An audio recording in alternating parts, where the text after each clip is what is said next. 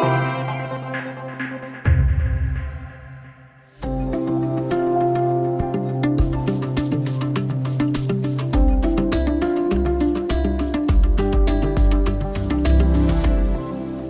Välkomna till Studio DN, den nya dagliga podden där vi ska fördjupa oss i dagens viktigaste nyheter. Den här premiärdagen ska vi tala om det mycket stora inflytande USAs väckelsekristna har över president Trump. Men allra först några ord om själva podden. Vi är två programledare, jag Lasse Bengtsson och Sanna Björling, bland annat tidigare USA-korrespondent. Sanna, vad vill du med den här podden? Jag hoppas att vi varje dag ska kunna ge lyssnarna eh, sammanhang och fördjupning i dagens viktigaste händelser i ett koncentrerat format. Vi släpps varje morgon klockan sex. Martin Jönsson, du är Dagens Nyheters utvecklingschef och projektledare här. Varför satsar DN bland annat på det här just nu? Därför att vi ser att behovet blir allt större. Eh, både av nyhetsuppdatering i ett högt tempo men också av den här sortens fördjupning. Ju mer intensivt ett nyhetsläge är, desto viktigare tror jag det är att man kan lyfta blicken och borra lite i de grundläggande frågorna. Hjälpa publiken att bli lite klokare, eh, undvika förvirringen som kan uppstå bland alla exponentiella kurvor och hobbyexperter. Och själv då får jag väl säga att jag är glad att få vara med här eftersom seriös faktabaserad journalistik just nu är viktigare än någonsin. Och jag ser dessutom fram emot att få höra rösterna på DNs alla skickliga journalister. En av dem är USA-korrespondenten Björn av Klen alldeles strax. Han har träffat Donald Trumps egen pastor med ett enormt inflytande.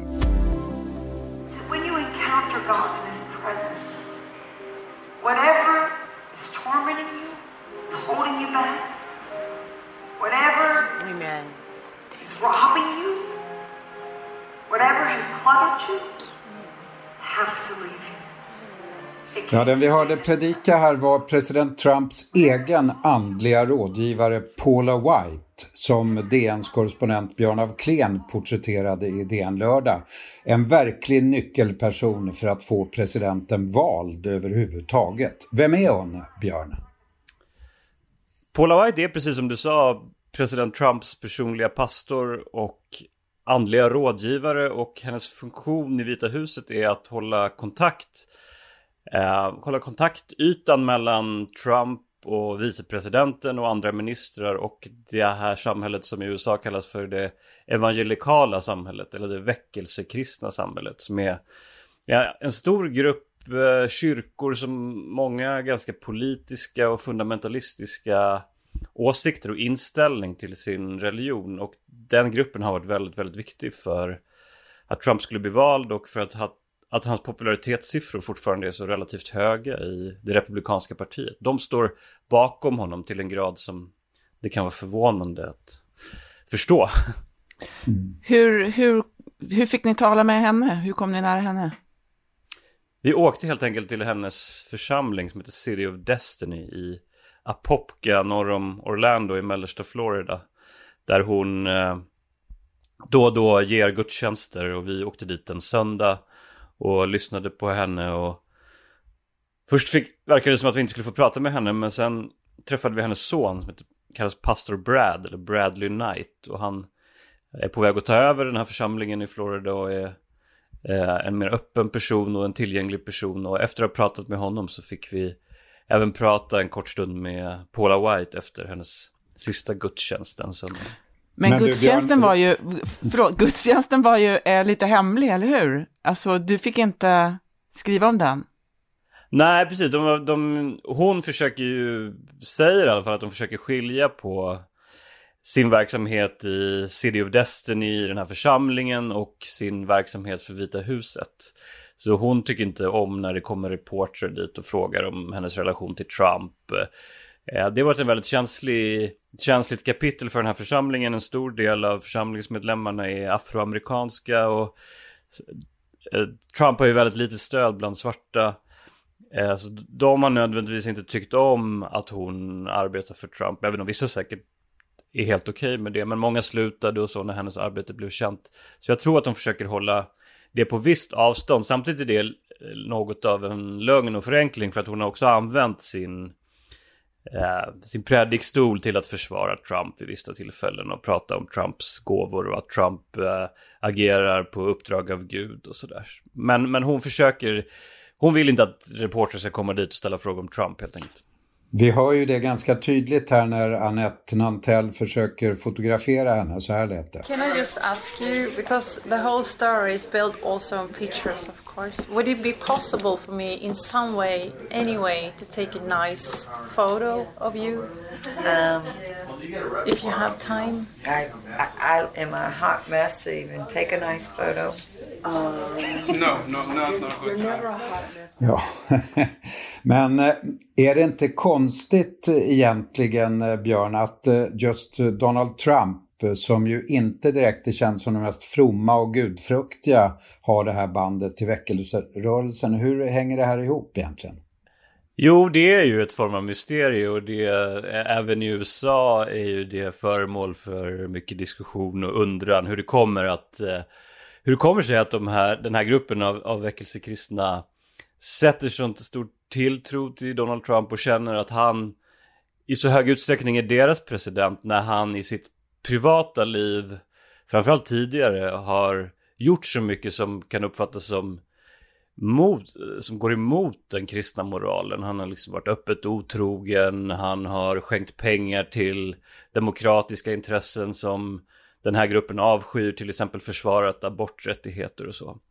Men eh, han var väldigt skicklig på under, under valrörelsen inför valet 2016 att tala med den här gruppen och lova den här gruppen att han skulle Um, ta deras frågor på stort allvar och han skulle våga göra saker som presidenter kanske hade lovat tidigare men inte uppfyllt. Till exempel skulle han utropa Jerusalem till Israels huvudstad och flytta den amerika amerikanska ambassaden från Tel Aviv till Jerusalem.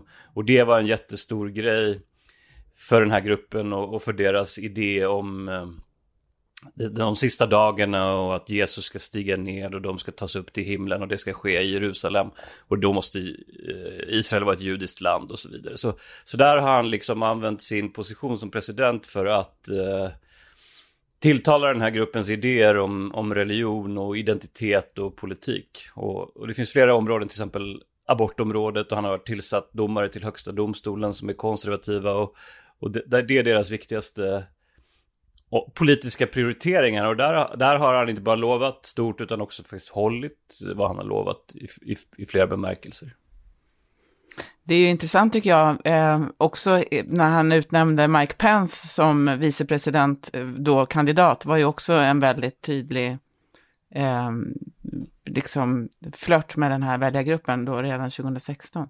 Jag tycker det är spännande också att man ser hur eh, eh, hur, de, hur den gruppen, eh, jag tror att du nämner det också i ditt reportage som var otroligt intressant, eh, hur de har eh, förändrat sin syn på vad en ledare, hur de bör eh, bete sig också privat. Att 2011 när man gjorde undersökningar så sa ju den här gruppen väckelsekristna som är så moraliskt högstående eh, enligt dem själva att den, den, som de, den som ska vara president måste vara, ha en hög moralisk standard själv. Mm. Men 2016 så var det inte alls så längre. Då brydde de sig inte alls om det. Ja men absolut, de, de, är, de är väldigt skickliga på att hitta sätt att eh, legitimera Trumps beteenden. Eller i alla fall inte bry sig om Trumps beteenden och säga att eh, Gud ofta har använt män med brister i sin karaktär till att uppfylla större saker. Och till exempel en församlingsmedlem som vi intervjuar i det här reportaget som heter Janine Lopez som säger Ja, han må ha gjort, eh, han må ha sagt det här på den här Access Hollywood klippet där han ju skryter om att han kan tafsa på kvinnor för att han är en stjärna och så. Men han har samtidigt gjort otroligt mycket för liksom kvinnor som är i, i trafficking situationer och vad, hur kan vi liksom varför bryr vi oss om en enskilt uttalande från presidenten när han har gjort så mycket för stora grupper och sådär. Ja, men men det, det, det som jag ofta stöter på är det här liksom att Gud använder personer som kanske inte är medvetna om att de är kallade och har brister för att uppfylla större ting. Och liksom det är en väldigt på något sätt, suggestiv idé om, om Trumps roll i, i politiken idag. Vi är strax tillbaka med mer om väckelserörelsen och Trump.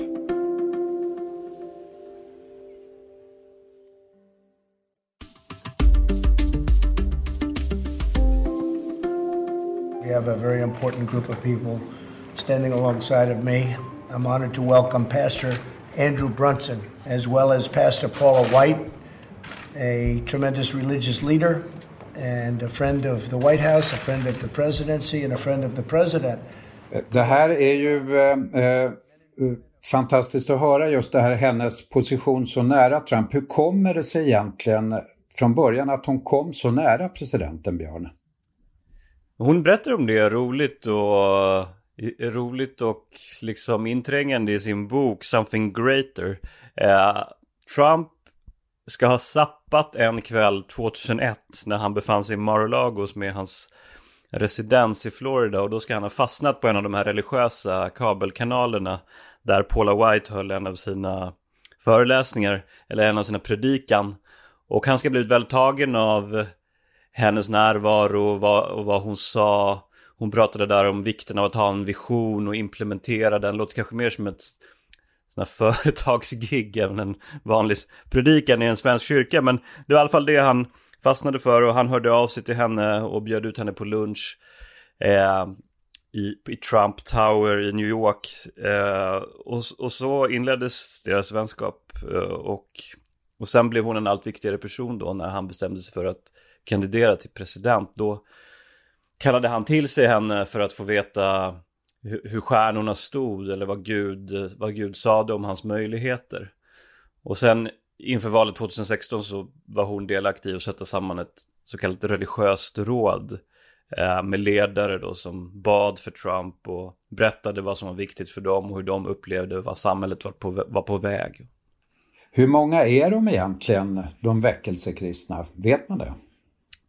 Det är en siffra som förekommer i amerikansk media, så 30-35 miljoner. Men då är det viktigt att inse att alla de inte tillhör den här gruppen av Trump-troende, utan det finns en stor grupp latinamerikaner också som inte nödvändigtvis röstar på Trump i så, stor, i så stor utsträckning. Och så finns det ju en, en mycket mer progressiv och moderat del av den här väckelsekristna rörelsen. Som ju fick stort genomslag i, i december när eh, Tidskriften Christianity Today skrev ju en ledare där som argumenterade för att Trump borde avsättas i samband med riksrättsåtalet. Eh, så det, det, det är ju viktigt att förstå att alla kristna tycker inte så här. Men de väckelsekristna är ju eh, en, som jag förstår det, en ganska konstant del av de som eh, kallar sig för protestanter i USA. Men den gruppen i sin tur minskar ju, precis som alla, de flesta religiösa andelar i USA, men just de väckelsekristna inom den protestantiska gruppen håller sig hyfsat konstant på eh, en 16-17 procent någonting av de totala protestanterna. Annars så blir USA allt mindre religiöst. Det är en sån där långsiktig jättestor mm. trend ändå. Bara, och det går fort ändå nu på slutet. Jag såg någon siffra på för tio år sedan så var det 77 procent som sa att de var kristna och idag är det 65 procent. Mm. Det är ju jättestort, eh, stor skillnad. Och de som säger att de är eh, någonting annat, liksom, allt från så här, inget särskilt till ateister, är ju, det är nu är det 26 procent eller något sånt, alltså över en fjärdedel. Och det är ju jättemycket för att vara i USA. Alltså jag tycker att utvecklingen i den där gruppen och mm, liksom stämningen i den och deras syn på världen, det påminner ju ganska mycket om liksom det republikanska partiet. Eh, som blir allt mer vitt och blir allt mer åldrat och inte liksom är i klang med samhället längre. Men som mm. lyckas ändå mobilisera väljare i den här... För att de erbjuder en reaktion på globaliseringen eller internationaliseringen mm. eller vad det nu är. Och, och det är ju det rimmar ju med den här gruppen också. Den, är ju, den, är, den består inte av en majoritet, mm. men den är väldigt, väldigt aktiv och tydlig och radikal och, och den... den och formulerar ett hot, eller hur? Liksom, de känner sig, beskriver sig själva som, som ja, med rätta eh, hotade till sin existens. Exakt, och de, där liksom glider ju religiösa bilder samman med politiska bilder. De, de tror sig leva i, i den yttersta tiden och snart kommer olika suggestiva saker att hända. Och det, är liksom, det blir en väldigt, väldigt stark bild av, av vad samhället är på väg i deras blick. Och, och, där Trump kommer och säger så jag ska stoppa det här. Det här är inte, det här är inte bra, det Obama gjorde var mm. hemskt, ni, ni förlorar i position i samhället. Och, och de var ju väldigt tilltalade av, av att, av att liksom någon kom och bekräftade deras sinnesstämning av att, av att bli allt mer marginaliserade. Tack så mycket, DNs korrespondent i Washington, Björn av Klen. Tack själv. Och imorgon pratar vi om coronavirusets smittsamhet med DNs medicinreporter Amina Mansour. För ljudillustrationerna idag Björn af Kleen, Annette Nantell och AP Associated Press. Och vi som har gjort Studio DN heter Sanna Björling, Lasse Bengtsson, producent Sabina Marmulakai, ljudtekniker Patrik Miesenberger, exekutiv producent Augustin Erba, Oliver Bergman från Bauer Media.